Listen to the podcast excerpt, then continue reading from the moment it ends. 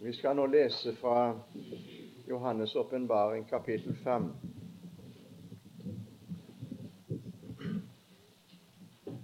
Og Vi leser der det kapitlet fra det første vers. Vi har berørt det litt i forrige bibeltime, om de 24 eldste sin sang. Nå skal vi lese alt i sammenheng fra det første vers.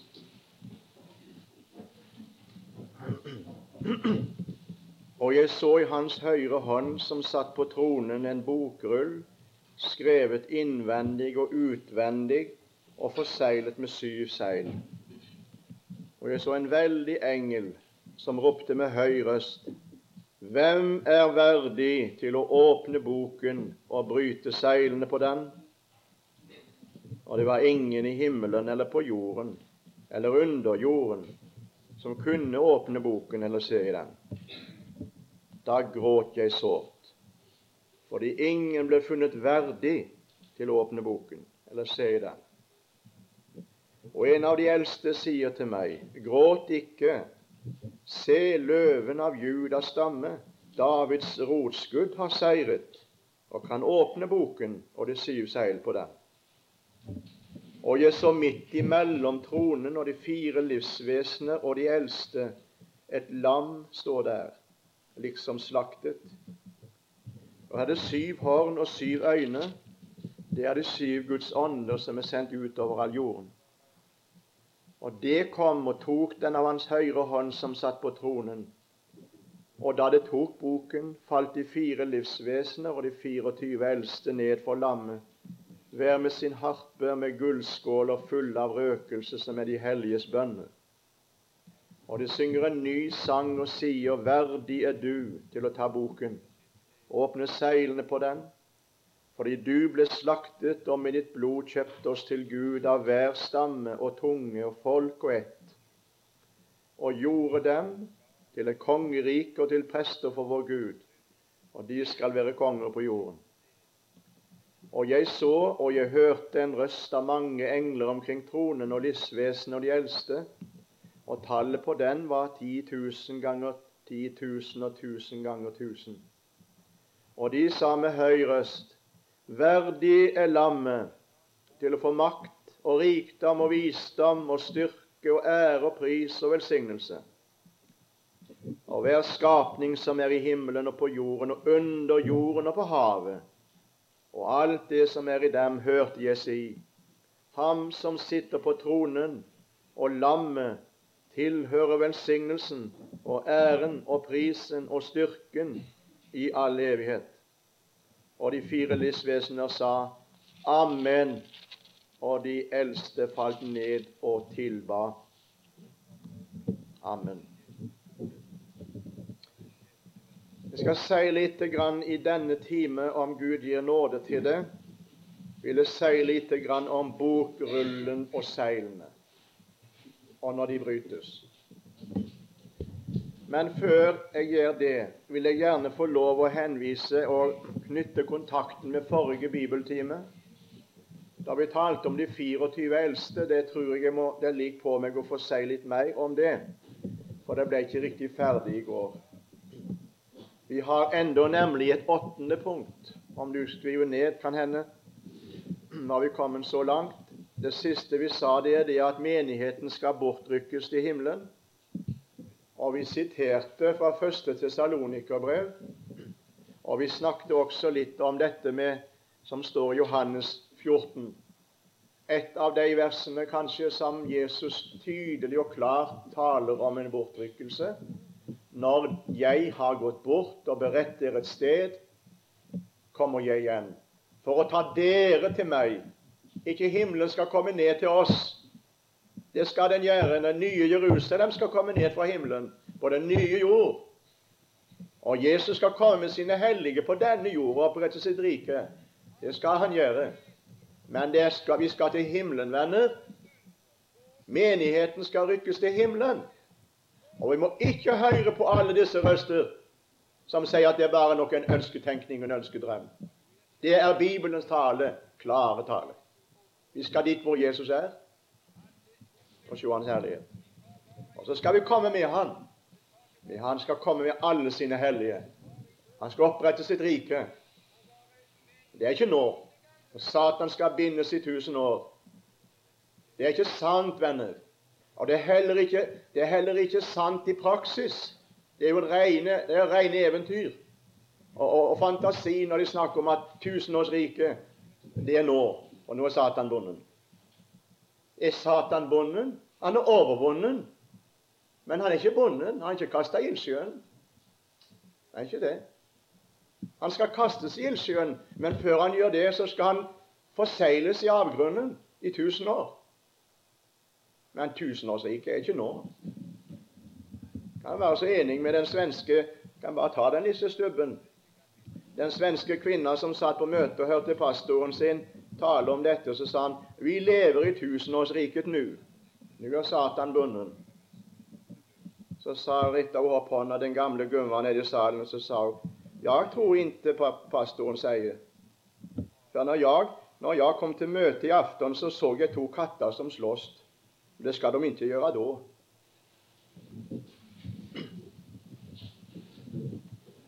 Satan er ikke bunden. Og jeg har sagt det, for det står nemlig i de tusen år skal han ikke forføre menneskene. Gjør han det i dag, kjære venner? Gjør han det i dag? Ja, som aldri før. Og hva står det? Det står det at han skal bindes og ikke forføre menneskene i de år. Det skal være et fredsrike, et rike der ikke Satan skal herje og herske. Ja, det synes jeg blir veldig å tenke på. Og er Satan bonden i dag, så Gud i himmelen hjelpe oss når han blir løs. Hvordan vil han da se ut? Ja, det sier jeg vent ut. Nå skal jeg ikke tale om det riket nå. Men det var en åttende ting jeg ville gjerne peke på. Og dette vil jeg gjerne understreke, og særlig vil jeg si det her i dag til dere som er unge, som hører kanskje mer på de mange ting som blir forkynt, enn vi kanskje eldre som er mer kanskje stadfesta og grunnfesta i ordet. Det kan hende. Menigheten skal rykkes bort fra jorden før Guds vrede går frem. Og når vi nå skal tale om når bokrullen, eh, når seilene brytes og bokrullen åpnes, så er det Guds vrede som går frem. Den begynner allerede i kapittel 6. De, deres stores vredes dag er kommet, sies det når det sjette seilet brytes. Og hvem kan holde stand? og, og menn og kvinner og, og, rike og fattige og treller og fri skal gå til fjellene og si over oss og skjul oss' for Hans åsyn som sitter på tronen og lammets vrede. Venner, det blir en dag som heter lammets vredes dag. Lammets vredes dag. Kan du tenke deg hvordan det blir når lammet blir vred? Når Jesus blir vred, og Faderen blir vred? Da blir det ikke spøk å være mennesker, ugudelige mennesker på jord. Da blir, spøk, da blir det ikke spøk å være i denne verden. Men Guds folk er der ikke. Menigheten blir der ikke når vreden går ut. Det kan du være klar over. Hvorfor skal vi være her? Det er ikke oss vreden skal gå utover, men de ugudelige og verden og synden og Satan og alt det som har med han å gjøre. Menigheten skal rykkes bort før en vreden går frem. Og Derfor jeg kan være enig med sangeren i sangboken den som synger slik Herren tager sin due bort før en hans vrede går frem. Gjemmer sin skatt bak perleport i Salems velsignede hjem. Ja da. Skal vi lese noen bibelord om det? Vi hadde det allerede ved åpningen her. Første til Salonikerbrev kapittel 1. Vi tar det med først. Og Vi må understreke dette den kommende vrede. Den vrede som skal komme. Den begynner allerede ved Antikrist, og han stiger fram.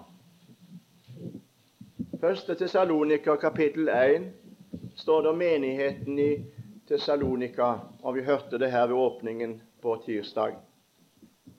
vers 9 og 10. For selv forteller de oss om oss hva inngang vi fikk hos eder, og hvorledes de venter til Gud fra avgudene for å tjene den levende og sanne Gud, og vente på Hans Sønn fra himlene, som Han oppvakte fra de døde, Jesus, Han som frir oss fra den kommende vrede. Ja, det står jo så klart. Han frir oss fra den kommende vrede. Og jeg synes det er så veldig fint at tesalonikerne de omvendte seg til Gud, vendte om til Gud fra avgudene. Det leste vi her. Så begynte de å tjene Gud. Og øyeblikkelig de hadde vendt om og begynt å tjene den levende Gud, ikke avgudene, den levende Gud, så hadde de fått beskjed det kommer en vredesdag. Men dere skal slippe å være redd for vredesdagen, for han skal komme fra himlene og frelse dere fra den kommende vrede. Altså, Det var en klar forkynnelse. De hadde fått en klar forkynnelse. Og jeg må gjerne si det at det er mye uklar forkynnelse når det gjelder dette. Det er det. Og vi må forberede oss på den store trengselen. Vi må forberede oss på det at vi må gå i langflyktighet og katakombetilstand.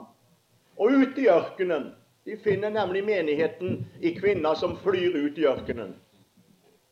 Oi, nei og nei og nei. Kan du glede deg til Jesu gjenkomst da? Jeg kan ikke. Da vil jeg si, Herre, la meg få dø. La meg få dø. Og så skal vi vente på at Jesus skal komme. Når vi skal gjennom trengselen Det er ikke sikkert vi kommer gjennom den. Noen av oss vil fornekte Jesus. Noen av oss vil komme inn i største prøvelser og trengsler og ikke klare å komme igjennom, vi som ville til himmelen. For vi har jo en gammel natur òg. Og den vil ikke li. Kan du lite på. Og så skal vi ut i ørkenen, og så er det ikke sikkert noen ting at vi skal nå fram til himmelen, og en bortrykkelse, en forvandling osv. Dette som jeg har talt om, og som vi gleder oss til. Nei, jeg kan ikke glede meg til det, venner. Det er umulig for meg å glede meg til Jesu gjenkomst hvis det skal gjennom alle ting, og vredeskålene skal tømmes ut mens jeg er på jord. Ja, da vil jeg be ham å få dø. Ja, det vil jeg. Han skal fri oss fra den kommende vrede. Skal vi gå til Romerbrevet kapittel 5 og vers 9.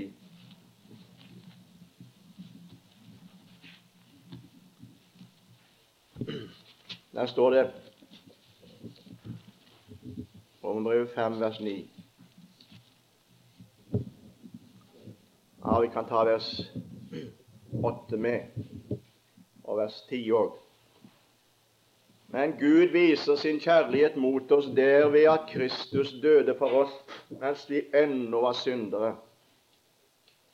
Så meget mer skal vi da, efter at vi nå er, er rettferdiggjort ved Hans blod, ved Ham bli frelst fra vreden. For så sant vi blir forlikt med Gud ved Hans Sønns død da vi var fiende, så skal vi så meget mere bli frelst ved Hans liv efter at vi er blitt forlikt. Frelst fra vreden. Og jeg vil gjerne også understreke det her i denne stund før jeg går videre, nemlig at den dagen som vi venter på, og som jeg tror er såre nær, det er menighetens frelsesdag. Det er den dagen han skal frelse sin menighet og frelse sitt folk og frelse oss. Vi venter ikke på dommedag. Jeg venter ikke på vredens dag. Jeg venter ikke på at Jesus skal komme til dom. Jeg venter på en frelsesdag som han har lovt. Han skal komme og frelse oss ifra den nærværende vonde verden og inn i sitt himmelske rike. Og Jeg vil gjerne at vi tar med disse uten at jeg skal kommentere det. Vi skal sitere en tre-fire bibelord, så det kan få lov å ta med ut ifra denne time. I Romerbrevet 13 vers 11. Romerbrevet 13, 11. Og Dette må de lese, unge venner. De må lese og studere Skriften, så de vet hva det står på, og vet hva de tror på. Ikke hør til alle røster, men få lys over ordet. Det går an, også det som har med det siste ting å gjøre. Guds ånd vil også kaste lys over disse sannheter for oss. Hva står det i Romerbrevet 13,11? da? Og dette må vi gjøre da vi kjenner tiden, at timen er kommet, da vi skal våkne opp av søvne. For frelsen, ikke dommen, men frelsen er oss nærmere nå enn den gang vi kom til troen. Frelsen. Den fullkomne frelse. Dette skriver Paulus til romerne. Og det er lenge siden han skrev det. Han Det er lenge siden at han skrev 'Timen er kommet, og vi må våkne opp av søvne'. Nå er timen kommet. Må det ikke være sovende. For hva er det nå som skal skje? Jo, frelsen. Den fullkomne frelse inn i Guds himmel. Han kan fullkommen frelse alle dem som kommer til Gud ved ham. Slik står det i Hebrevet 7,25. Den fullkomne frelsesdag, da jeg skal frelses med ånd og sjel og legeme inn i himmelen. Den dagen er nær. Og det er den dagen vi må ha i oppsikt og tenke på. Jeg lider med natten, og det stunder til dag. Slik skrev Paulus i vers 12. Frelsen oss nærmere. Vi tar også Filippenserbrevet 3 og vers 20 og 21 med. Fortell oss om denne frelsesdagen. Jeg synes det er så fint, vidunderlig fint å lese disse bibelordene. Ta de med deg fra dette kurs. Ser du hva vi skal komme til? Og hva er det Han vil med oss? Og skal gjøre med oss? For vårt rike er i himlene og derfra venter vi òg den Herre Jesus Kristus som frelser. Og så ser du, skal du se planen her. Han som skal forvandle vårt fornedrelseslegeme, så det blir likt med hans herlighetslegeme, etter den kraft hvormed han nå kan underlegge seg alle ting. Vi er rike, vi skal hjem til riket. Riket er i himlene, og vi venter vår Herre Jesus Kristus som frelse. Hebreerbrevet 9,28 kan vi ta med også. Dette er ord som vi kjenner til, og som du kjenner til som lest din bibel.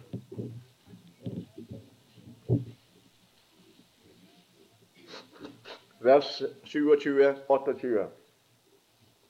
Og like som det er menneskets lodd en gang å dø og deretter dom, Således skal òg Kristus, etter å ha vært ofret én gang for å bortta mange synder, annen gang åpenbare seg uten synd, dvs. Si uten å ha med synd og soning å gjøre, til frelse for dem som venter på ham.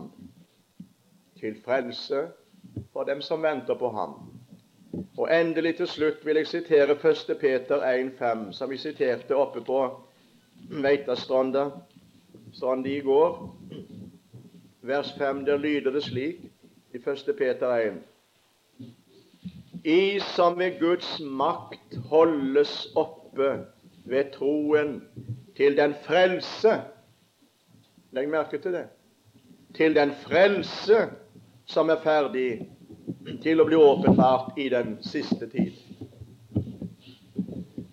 Jeg vil gjerne med disse bibelord få være med å understreke den sannhet jeg allerede har sagt nå. Og jeg er helt overbevist om, etter å ha lest i Guds ord og studert Guds ord i noen år Jeg er mer og mer overbevist om det. Nemlig at vi skal bort fra denne verden før vreden rammer jorden. Vi skal rykkes bort før trengselen, før skålene tømmes ut, før seilene brytes og det kommanderes ut.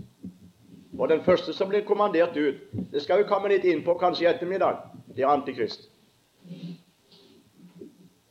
Antikrist er den som først blir kommandert ut. Kapittel 6.1 og følgende. Er ikke Kristus det står om der, mannen på den hvite hesten? Og langt ifra. Det er ikke Kristus. Som drar ut med seier og til seier. Jeg blir, så, jeg blir så overgitt når jeg hører dette. Det er da Kristus som drar ut med seier og til seier. Han har jo seira, nå drar han ut, og så blir det en veldig verdensvekkelse. Ja, det er slik hører vi i dag. Jeg kan ikke kjenne min frelser igjen i rytteren på den hvite hesten. Det er ikke min frelser. Han har ikke en bue, Jesus. Det blir ikke gitt han en krone. Men han rir ut, for det er en antikrist. Som betyr ikke bare en mot Kristus, men høyrevenner. Antikrist betyr også i stedet for Kristus. En erstatning for Kristus. Og det er det som skjer i dag. Det er ikke Jesus, den korsfestede og den godkjente frelse, som Gud har gitt oss, som blir presentert i vår tid mye. Det er en menneskelag av Jesus. Det er en Jesus som menneskene har lagt til i sitt forstand og sin tanke. Som en mann sa det nede ved Bergen. Jeg hørte det. Han sa det alle må ha sin Jesus. Jeg har også min Jesus. Har du hørt slikt? Alle må ha sin Jesus. Nei, det må vi slettes ikke. Vi må ha Bibelens Jesus. Det er det vi må ha. Ikke en som jeg har laga meg i min forstand og passet til mitt mønster, men en som Gud har sagt og sier han alene er det frelse, jo ingen annen. Det er han jeg må ha. Alle må ha sin Jesus. Jeg har også min. Ja, slik er det.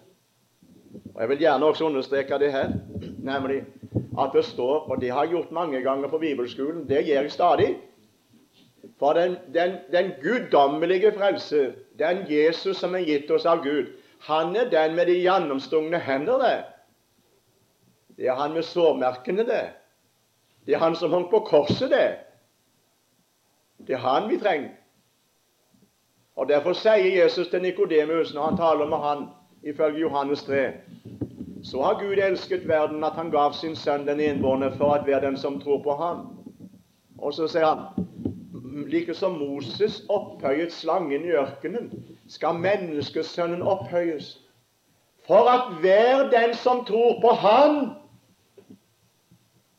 Ikke hvilken som helst, men han som blir opphøyet, ha evig liv. Du kan tro hvor mye du vil på alle slags Jesuser, for det er massevis av dem. Og det er bare antikristelige anstrømninger, det kan du være 100 sikker på. Alle disse menneskelaga teoriene om, om Jesus og Jesus og Jesus Jeg blir så trøtt og lei av det alt sammen. Jeg må gjerne si det, at kristne mennesker kan bite på det. Vet du, her, Jeg hørte nå jeg var oppe i Molde de hadde noe der i byen de kalte for Jesus kro. Jesus kro. En kafé. De samles på som en Jesus kro. Så har du Jesus-klær. Og så har du Jesus-festival. Og så har du Helligåndsseminar. Jeg har sagt det, kanskje litt stygt å si det. Jeg må, nå vente, må du ikke gå forbi Gud Fader. Han må få et seminar, han også. Gud Faders seminar må vel snart også komme. Alvorlig! Veldig alvorlig! Harselering i høyeste grad. Jesus er ingen festivalperson. Nei, nei. Det bedrøver Den hellige ånd. Og det kan kalle seg for kristendom hvor mye det vil. Det har ingenting med kristendom å gjøre. Det er versligdom. Og versliggjort kristendom. Det våger jeg å si. Tro ikke på det, folk. Det er antikristens ånd som står bak det hele for å bedra Guds folk. Og det vil han. Får du en Jesus som ikke er korsfesta, oppstanden og herliggjort og godkjent av Gud, kan du ha hvor mye Jesus når du vil, det er ingen frelse i det. Det går fortapt på en menneskelag av Jesus. Det går fortapt på det. Se til at du får den Jesus inn i ditt hjerte, og får tro på den Jesus som Gud har satt sitt stempel på, og som han sier han er nok til frelse og liv og salighet, og ingen annen. Og det er han i blod og sår, det folk. Det er lammet med de gjennomstungne hender. Han har frelst millioner, og de er frelste og salige og lykkelige og synger lammets pris i dag på tronen. Og vi skal sammenes og forenes med deg en dag og synge med løyste tunga om Han som kjøpte oss til Gud med sitt blod. Er du med? La deg ikke bedras. Jeg roper det ut. Og jeg tror vi trenger å rope i dag. Det er så mye virvar omkring Jesus. Og Jesus blir dratt ned på et menneskeplan. Ikke bare teologien og lærde mennesker som, som degraderer han ned til å være mannen fra Nasaret. Det er farlig nok. Men de åndelige strømdrag i tiden drar han ned på et menneskeplan, det også. Og det er alvorligere. Gud i himmelen hjelpe oss at ikke vi kommer vekk fra sentrum. Da går det galt. Dette brenner i mitt hjerte, skjønner dere. Det er ikke noe jeg bare sier, men det brenner i meg for folket vårt og ungdommen vår innenfor misjonsorganisasjonene, innenfor våre rekker og våre samfunn, må berges ifra Antikrist. For det er han som kjører fram i en fin maske og er så lik Jesus. Nei, rytteren på den hvite hesten i åpenbaringen 6 er ikke Jesus, det er Antikrist. Men han ligner han. Han ligner han. Jeg kommer tilbake til. Vel, vel. Vi går videre. Bokrullen med seilene. Og Nå må vi stanse på noen ting der til slutt i denne time, og fortsette neste time. Det første jeg da vil gjerne gjøre, det er å illustrere denne bokrullen. Og det skal jeg gjøre ganske enkelt med papir. En bokrull som det var skrevet på. Vi kan gjøre det på navn større enn dette, selvfølgelig. Men la oss nå se at dette var en bokrull. Det var skrevet på innsiden, og det var skrevet på utsiden. Men ingen kunne lese det som sto verken på utsiden eller innsiden. For bokrullen var forsegla. Og det står her den var forsegla med sju seil. Sju seil. Det måtte brytes, disse seilene. Og det må ikke tro at de seilene på bokrullen var sju stykker på samme siden her. Det kan tenkes slik, men det ble nemlig ikke den tiden. Slik var det nemlig ikke forsegla en bokrull som var forsegla. Han var forsegla med, med, med, flere seil innover i bokrullen. Det første seilet var her. Måtte det brytes. Så kunne en åpne bokrullen så langt som til neste seil. Når så neste seil var bråte, kunne bokrullen åpnes, og det kunne leses på begge sider inntil neste seil igjen, så måtte det brytes. Og når alle seil var bråtne, så var bokrullen åpen, og en kunne lese den både på innsiden og på, baksiden, på forsiden. Og når, når, det står her i Bibelen, som vi nå leste her, så står det at lammet brøt seil på seil. Han gjorde ikke slik han gjorde ikke slik som vi ville ha gjort om det hadde vært en bokrull som har forsegla med sju seil. Så ville vi brått til alle seilene med en gang. Og så ville vi sagt her står det. Nei, venner, seilene brytes ett for ett, og etter hvert som det brytes, så skjer det som står på det avsnittet, inntil neste seil brytes. Skjønner du? Innholdet, det var det andre. Hva som står skrevet her i denne bokrullen som, er, som vi leser om her, det er ingen som veit innholdet av. Kan vi få lov å si det slik? Jeg tror det er riktig. At det som står i bokrullen, er sjølve Nå bruker jeg kanskje menneskelig uttrykk og måte. Det er programmet for det som skal skje.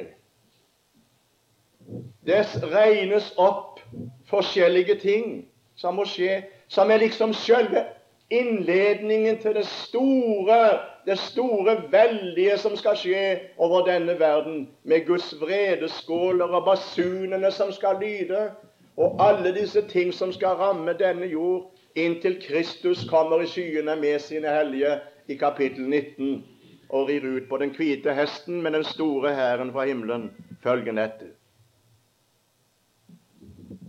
Det er mange ting som skal skje. Men vi forstår det, ikke sant, alle som er her i denne stund. Det forstår vi alle sammen at når det står her at lammet bryter seilene, og seil for seil blir brutt, og så skjer det som står i kapittel 6, og det skal jeg komme litt inn på i ettermiddag, så skjer det ett for ett. Først ropes det ut et 'kom fra de fire livsvesener', og så rir denne mannen ut som jeg nå har talt om, på den hvite hesten med seier og til seier. Han har seira i folkehavet. Ånden hans har vært virksom i hundrer og tusener av år. Han har seira i folket. Han drar ut med seier, og når han kommer, så blir han hylla og tatt imot som sin, som, som menneskenes frelser og Messias. Han har seira og drar ut til seier. Antikristens ånd er alt virksom kan du være sikker på. Når Johannes skriver om dette i sitt brev og andre kapittel, første brev og andre kapittel, så sier han det det er mange antikrister kommet. Og en dag så skal Antikrist komme, sier han den siste time. Men nå er det allerede mange antikrister kommet. Det skriver han for så lenge siden. Og derfor vet vi, sier han, at det er den siste time skal se Satan har, eh, Antikrist har ordna seg. Han har seira i folkehavet. Jeg skal ikke komme inn på det nå. Kanskje litt i ettermiddag. Så vi forstår det at selve innholdet blir ikke presentert for oss og sier Det står ikke det. Eh, det står, og det står, og det står, og det står. Det blir ikke lest opp, det som står i bokrullen. Men det skjer det som er skrevet om i bokrullen. Det er det som skjer. Men før disse, dette innholdet og, og, og, seilene brytes, og innholdet, eller det som står om i, seil, i bokrullen, skjer, må det nemlig to ting til. Og det er det vedle. Det må skje to ting. Hva som må skje? For det første så må det skje at de 24 eldste må innta sine plasser Menigheten må komme fram, sitte på tronen. For det er da klart de er med i sjølve innledningen til at seilene brytes. De roper det jo ut, de synger jo ut. Verdig er du som ble slaktet og kjøpte oss, det talte vi om i går, som kjøpte oss til Gud med ditt blod. Verdig er du til å ta bokrullen og bryte seilene.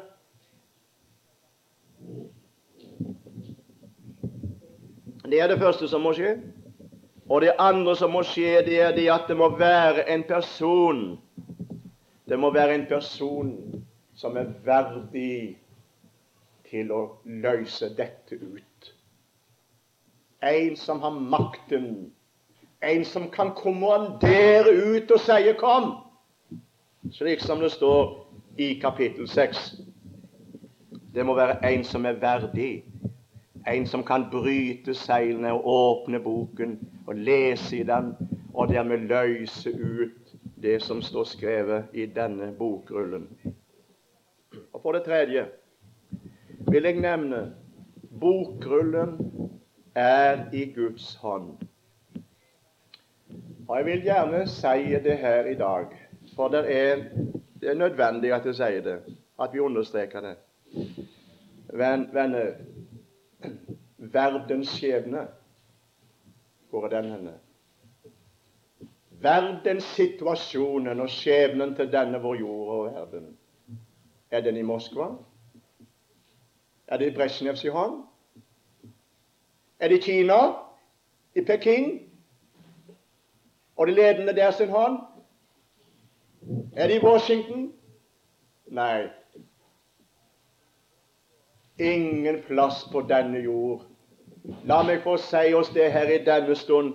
Denne verdens skjebne og menneskeslekten og menneskehetens skjebne i hele tatt er i Hans hånd som sitter på tronen.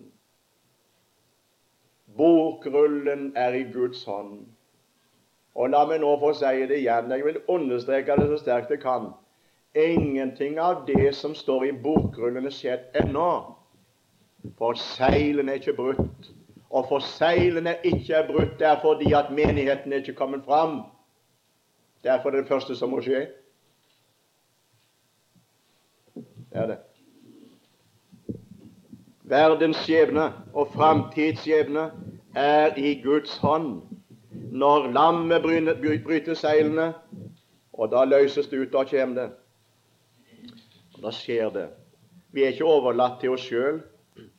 Han sitter på tronen ennå. Kan du være sikker på. Det er en som har sagt at Guds trone det er universets sentrum. Guds trone i himmelen er universets sentrum. Det er alle ting som går ut derfra. Ingenting skjer på slump i denne verden. Han har alle trådene i sin hånd. En får ikke gå langt en får ikke gå langt en, en verslig hersker. Lengre enn Gud tillater det. Han har makten. Kan du være sikker på. Og Nå skal vi lese noe her om, om vår forhold til Gud som menneske. Og skal se hvor avhengig vi er av Han. Og Nå skal vi gå til det uten at vi skal ta for oss så mye kommentar til det. Apostelgjerningene 1724. Stakkars arme mennesker som vil rive seg løs fra Gud. Stakkars mennesker som ikke vil ha med Gud å gjøre, seg 'gå vekk fra meg'. Det er omtrent som mauren som står på jernbanelinja di og vil stanse toget og sette seg på bakbeina og gjerne vil stanse lokomotivet når det kommer rasende. Ja, det er det. Stakkars mennesker som ikke vil ha med Gud å gjøre. Tenk om han hadde bønnhørt de. Tenk om han hadde bønnhørt de når de sier 'vekk fra med Gud'. Der står det i apostelgjerningene 1724 og utover. Gud som gjorde verden og alt som i den er, som Han som er Herre over himmel og jord. Han bor ikke i templer gjort med hender. Heller ikke tjenes han av menneskelige hender som om han trengte til noe. Han som jo selv gir alle liv og ånde og alle ting. Nei, men det er ikke, er ikke det jeg skapt det sjøl, da? Alle ting som jeg har, det er vel Gud, det er vel ikke jeg Nei, jeg skal ikke be for maten, var det en som sa, fordi at det er jeg har arbeidet for maten sjøl. Hva har du som du ikke har fått?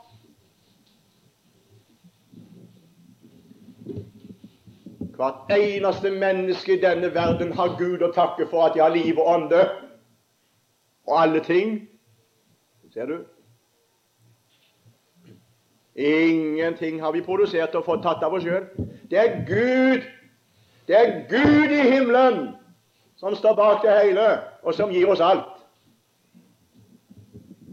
Og han lot alle folkeslag av ett blod over hele jordriket. Og satte dem faste tider og grenseskill. Neimen, kjære deg, er ikke menneskene som satte opp grensene, da? Han satte grensene. Det er bibelsk, dette også.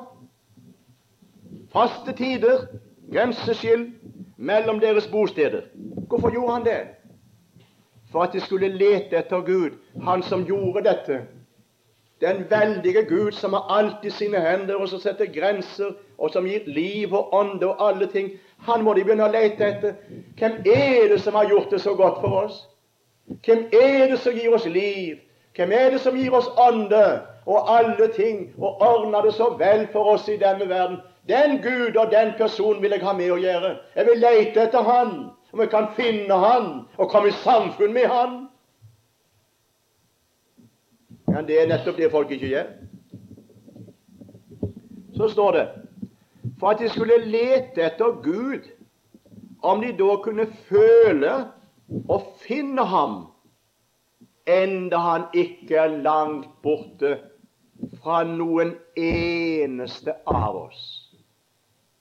Ja, Vet du hvor nær, hvor nær Gud er deg, og Gud er oss?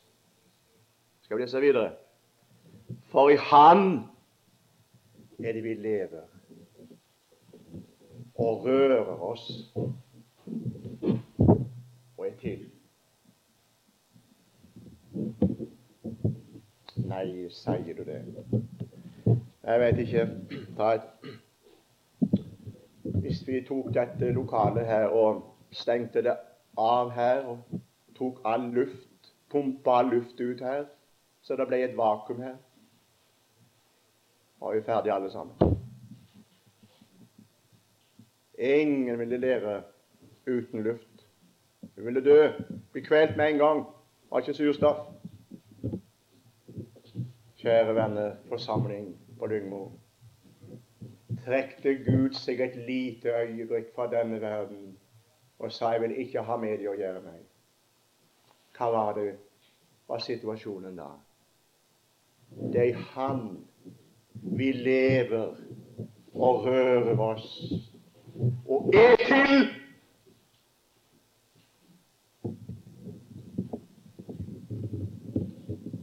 Står du? Må du ha med Gud å gjøre? Ja. Om ikke du vil ha med Gud og Jesus som din far og Jesus som din frelser, må det, er det likevel hans skyld at du lever, og at du kan gå på dine bein og røre og ta med dine hender. Det er han du lever i. Og han skal du stilles til regnskap for om du ikke tar imot. Om ikke du tar imot hans frelse, så må du stilles ansikt til ansikt med den Gud som skapte deg, og den Gud som oppholdt livet ditt og lot deg leve og gi deg liv og ånde og alle ting.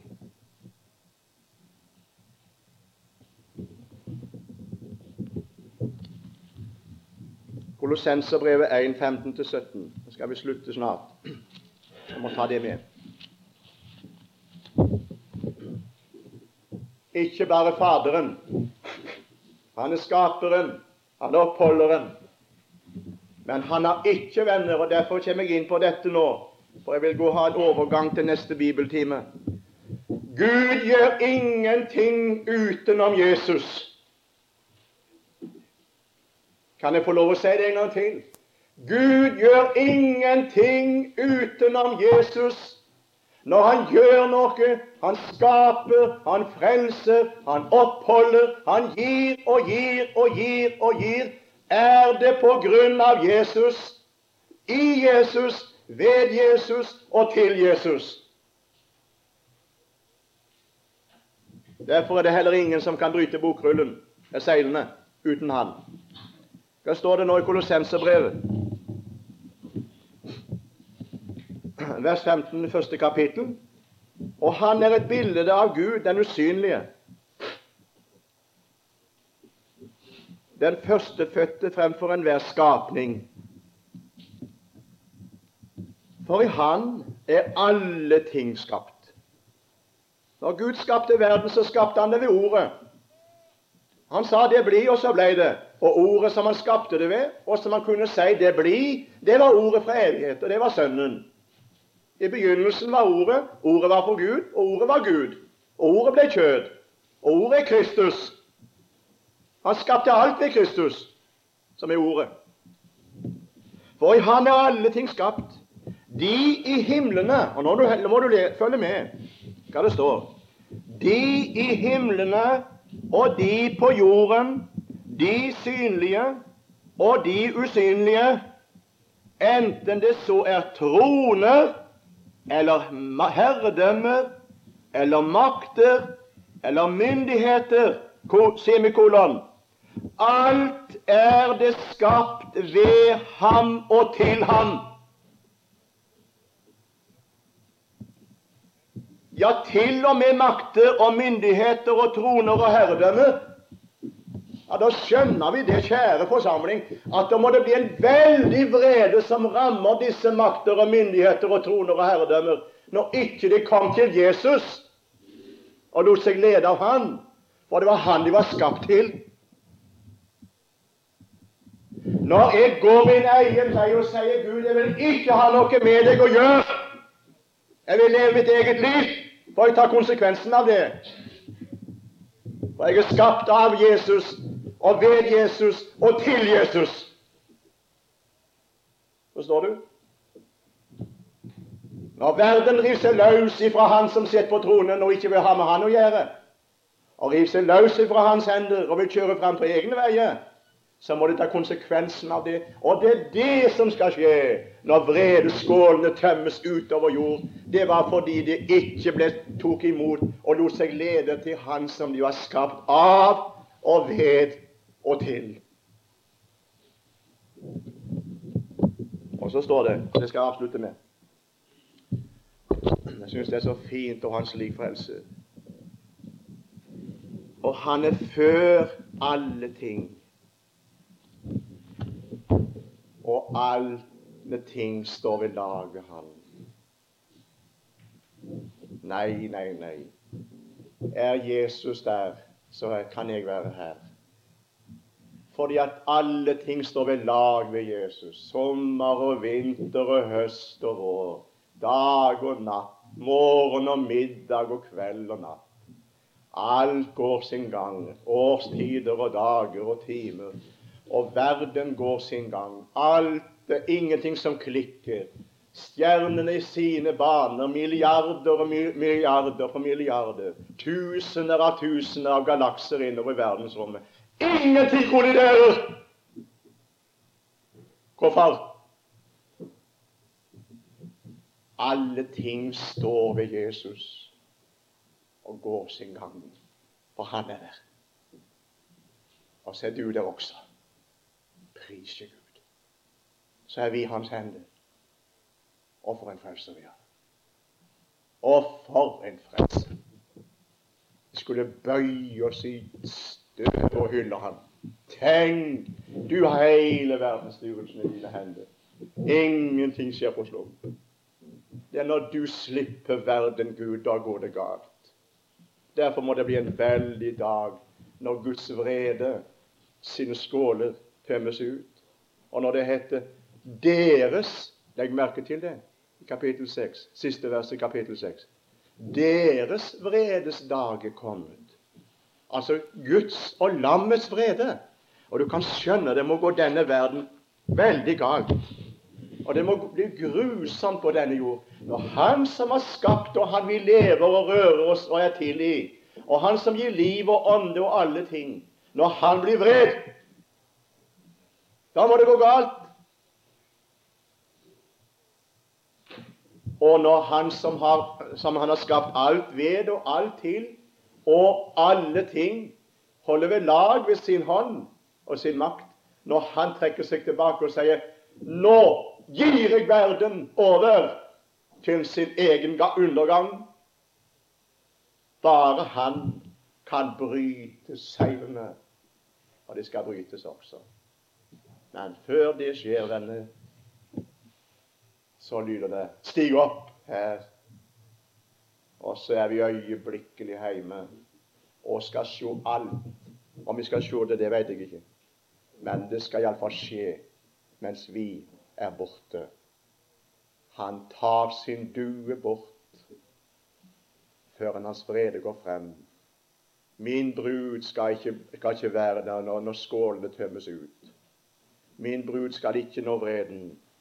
Jeg skal frelses fra den. Og nå, venner, er det det som skjer. Nå må jeg slutte av enda Jeg må lese et bibelord til som kom til meg nå. Jeg måtte ikke glemme det. Vil du nå slå opp til slutt? Jeg skal ta det litt for lenge nå, men eh, jeg får ta det igjen. Vil du slå opp til slutt oppbemanningen 22? Kan vi lese det helt til slutt? Helt til slutt.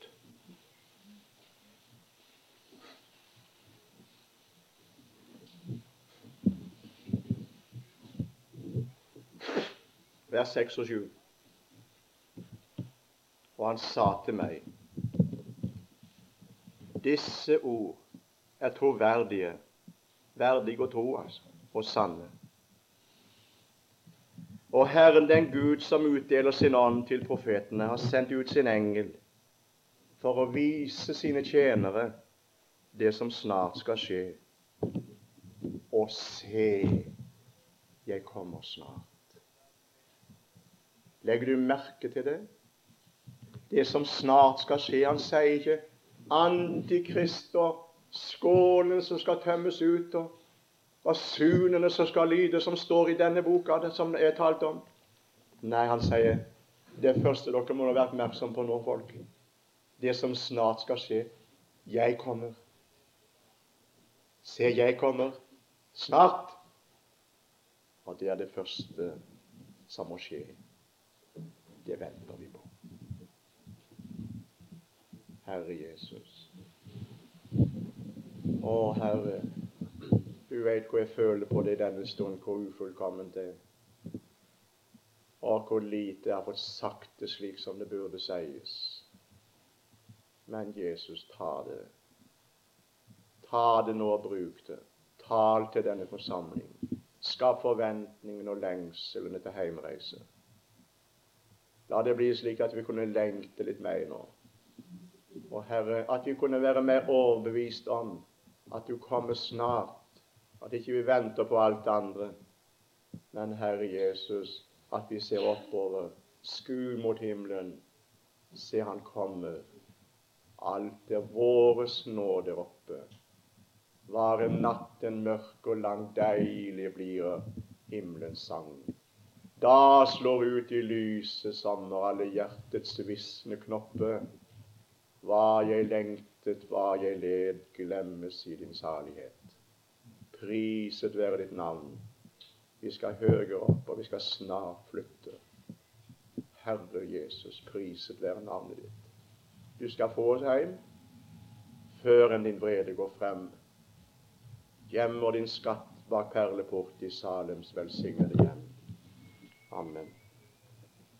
Himmelen se, han kommer, alt det båret for.